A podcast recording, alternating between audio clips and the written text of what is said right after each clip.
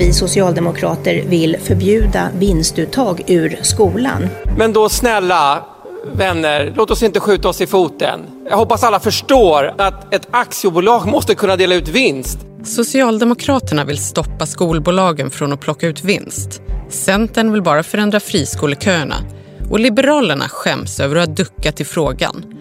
Men vad är egentligen problemet med vinsterna i skolan? De svenska friskolekoncernerna fortsätter det att gå går bra. bra för Internationella Engelska Skolan. På en kvart får du veta varför ett vinststopp inte skulle lösa friskoleproblemet och varför politikerna så länge har struntat i opinionen. Oavsett om du röstar rödgrönt eller Alliansen så finns det starkt stöd hos väljarna att faktiskt göra någonting åt de här vinstuttagen som finns.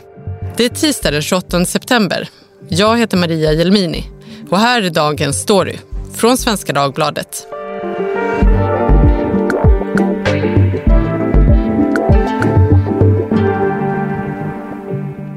Karin Turfjell, du är politikreporter här på Svenska Dagbladet. Det är nu alltså nästan 30 år sedan skolan avreglerades men plötsligt så ligger den här frågan högst på den politiska agendan. Varför har den blivit politiskt het igen, skulle du säga? Man kan ju säga att den, den här frågan har varit omdebatterad i omgångar ända från starten. Men nu har den som du säger seglat upp eh, ännu en gång. Och det som senast nu har lyft frågan är väl att, att det kom upp flera friskolefrågor på Centerpartiets kongress som var nu i helgen. En annan sak som har hänt på senare tid som har lyft den här frågan är att Socialdemokraterna har skärpt tonen. Eh, de har länge velat se begränsningar i möjligheten att ta ut vinst. Men nu på kongressen i november så kommer partistyrelsen att driva på en skärpning i form av ett totalförbud mot vinster i skolverksamhet. Vi vill att pengarna som går till skolan ska stanna i skolan och inte kunna delas ut till ägarna. Precis, Socialdemokraterna vill alltså nu helt förbjuda vinstuttag i skolan men däremot så vill man ha kvar skolvalet och friskolorna. Och vad uppgav då Anna Ekström för skäl till att man landat i det här? Ja, eh, man kan säga att hon, hon motiverade den här eh, eh skärpningen på vinstuttagen med att eh, man på senare år har sett hur avarterna och nackdelarna med det som kritikerna brukar kalla marknadsskolan har blivit allt tydligare.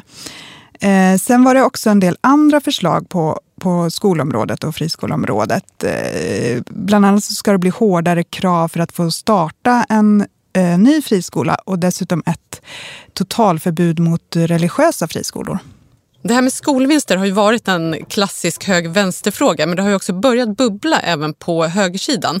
I helgen så hade till exempel Centern sin stämma och där var det en väldigt intensiv debatt, bland annat runt vinstfrågan där många regioner har velat begränsa vinsterna. Skattefinansierade skolan är inte och ska inte vara ett kommersiellt företag. Ja, Centerpartiet har ju länge hört till de allra mest eh, hårdnackade försvararna av, av nuvarande system eh, och inte vill ha ändrat en, ett kommatecken i, i skollagen.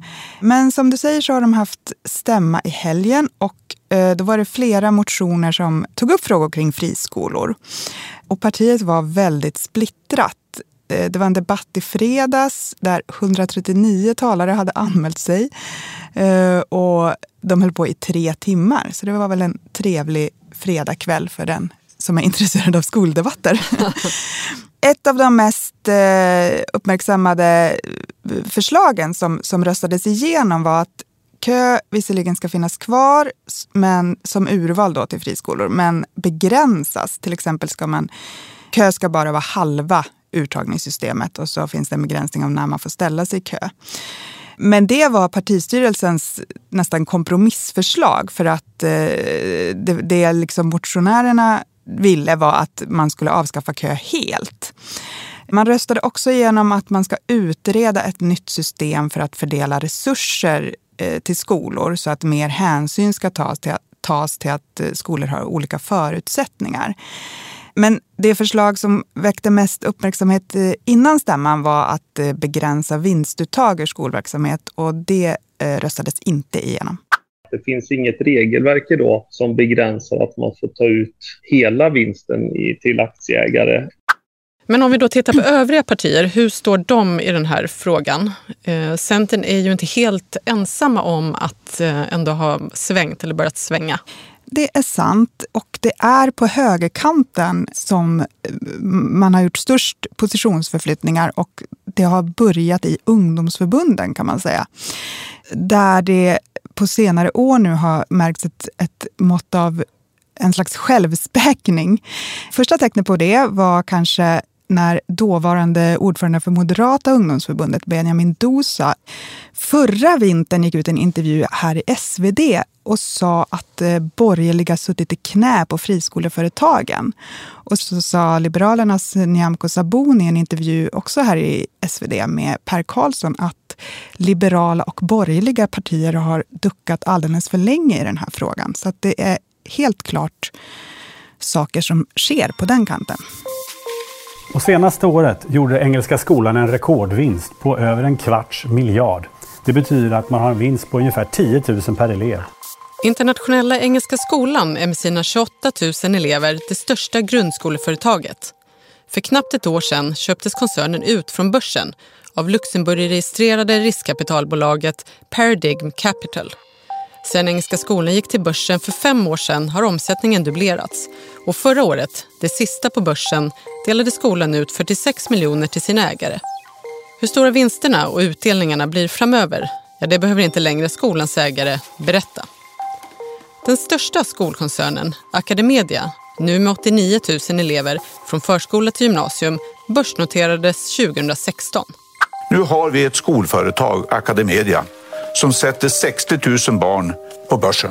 Detta håller inte.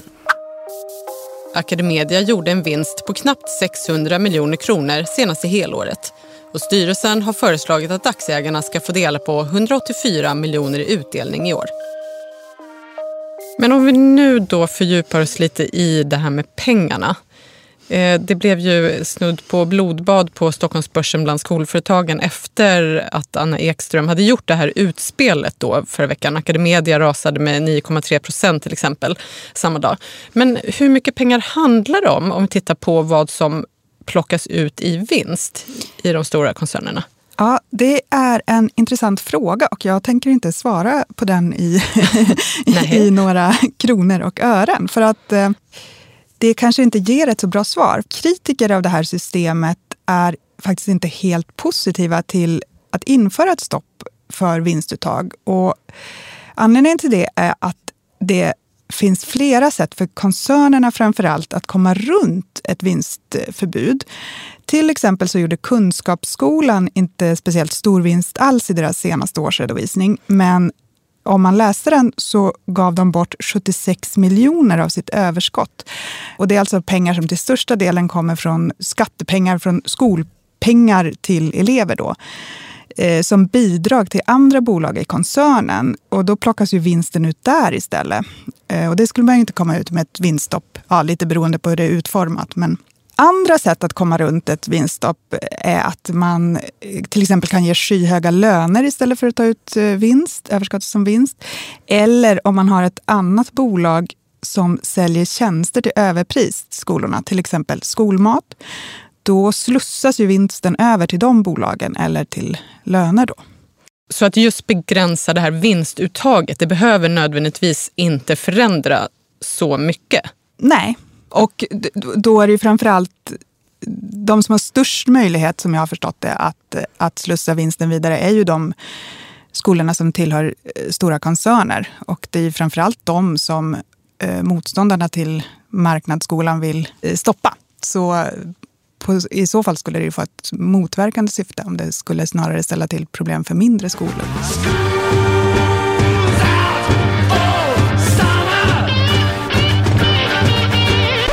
Men om man då tittar på den här frågan med vinst. Eh, vilka är de stora problemen med, med det, menar då till exempel eh, Socialdemokraterna och Anna Ekström? Anna Ekström, när hon presenterade det här förslaget om totalstopp eh, tog upp att ett vinstförbud skulle kunna hindra koncernerna från att etablera sig i kommuner där eh, etableringarna kan få negativ påverkan för kommunal skolverksamhet. Eh, sen så är det ju också en principiell fråga. Eh, att man menar att skattepengar i form av skolpeng som ska gå till barns utbildning inte ska kunna plockas ut som vinster av, av aktieägare eller riskkapitalbolag eller så. Hon pratade också om att eh, vinster, jakt på vinster då bidrar till att skifta fokus från kunskapsuppdraget som skolorna har och att det leder till att elever istället ses som kunder. Och det är en annan sak som är intressant med det här, som man också pratar en hel del om, det är det här med glädjebetyg. Finns det något skäl att tro att vinstdrivande skolor skulle ge elever högre betyg? Ja, det finns faktiskt ganska goda skäl att tro det. Eh, forskare som har tittat på det eh, har sett att eh, friskolor i högre grad ger glädjebetyg. Och varför då? Att ha en statistik att eleverna hos oss får bra betyg leder väl till att fler söker sig till den skolan. Och, och då får skolan mer pengar? Ja, eftersom man får pengar per elev som söker sig dit. Så att, eh, det kan ju vara en konkurrensfördel att ha, visa upp höga betyg. Om man ser det från andra sidan då, eh, de som menar att det är bra att ha det här systemet, vad lägger man i det? Ett argument är att det bidrar till mångfald på skolmarknaden. Man menar att om, om vinsten skulle ta bort så försvinner kanske skolaktörer och det skulle minska valfriheten. Och ett annat argument är att eh, vinst är ett incitament till att sträva efter hög kvalitet. Så om man då tänker sig att det skulle bli någon form av eh, vinstförbud eller vad det kan handla om. Vad tror du, skulle det här innebära att vissa skolor inte kommer fortsätta med sin verksamhet? Det beror nog lite på hur ett vinstförbud skulle utformas. Som jag var inne på tidigare så finns det ju en eh, sätt framförallt för koncernskolor att eh, slussa vidare vinsten från skolverksamhet. Det är svårt att svara på. Men om man då tänker sig att eh, många av de här vinstdrivande skolorna faktiskt skulle lägga ner om det kom någon form av förbud. Vad händer då? Med alla elever? Är det kommunerna som kommer ta hand om dem eller vad tänker man sig där? Eh, ja, som lagen ser ut idag så har ju kommunerna en skyldighet att erbjuda platser till elever vars friskola av någon anledning lägger ner. Eh, men det här skulle ju innebära stora praktiska problem eh, om alla skolor som drivs av aktiebolag plötsligt skulle lägga ner. Enligt beräkningar så är det drygt var tionde elev som Eh, går i en skola som drivs av ett aktiebolag i nuläget. Men om man då tittar på de opinionsundersökningar som har gjorts eh, i den här frågan så, så är det ju och har varit länge en majoritet av svenska folket som är emot vinster i välfärden generellt men framförallt som vill begränsa vinster i skolan. En SIFO-undersökning som gjordes eh, för ett år sedan ungefär visade att det var till och med åtta av tio som ville se någon form av vinstbegränsning. Men ändå så har det från politiskt håll inte hänt något. Hur kan det vara så stor eh, skillnad mot vad politiker vill och vad folket vill i den här frågan? Det är som du säger, parlamentariskt så finns det ju ännu eh, ingen majoritet eh, för att begränsa eller förbjuda vinster.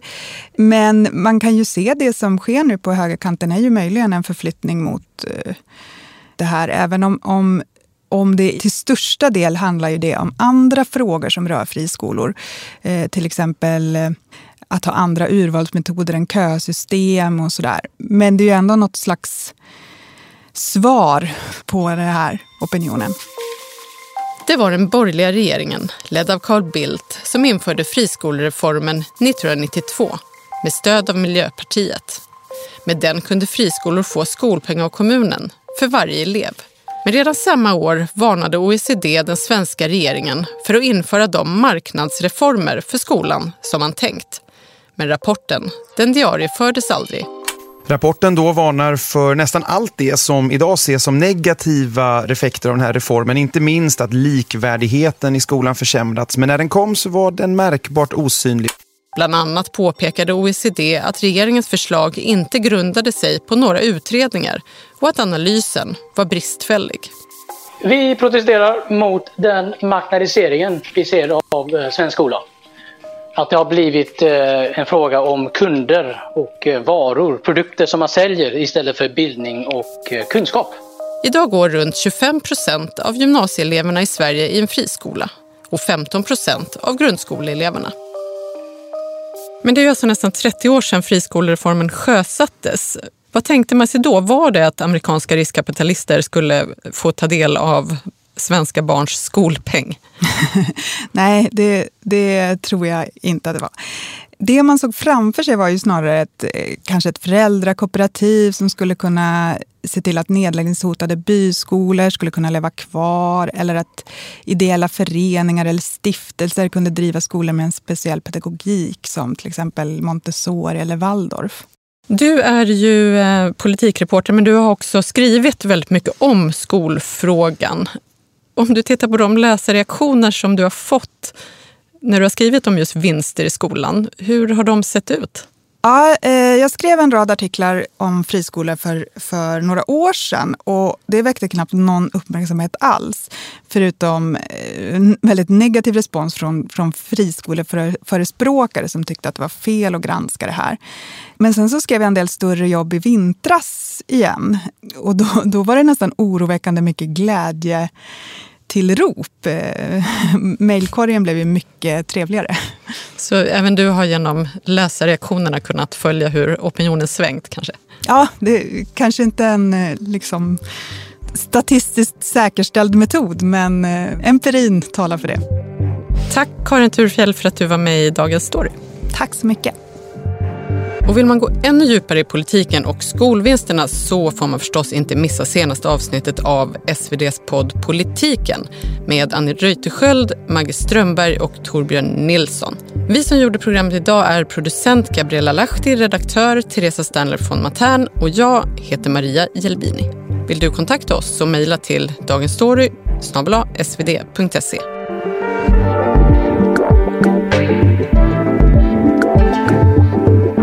Ljudklippen idag är hämtade från SVT, Sveriges Radio och Aftonbladet. Du hörde också låten Schools Out med Alice Cooper.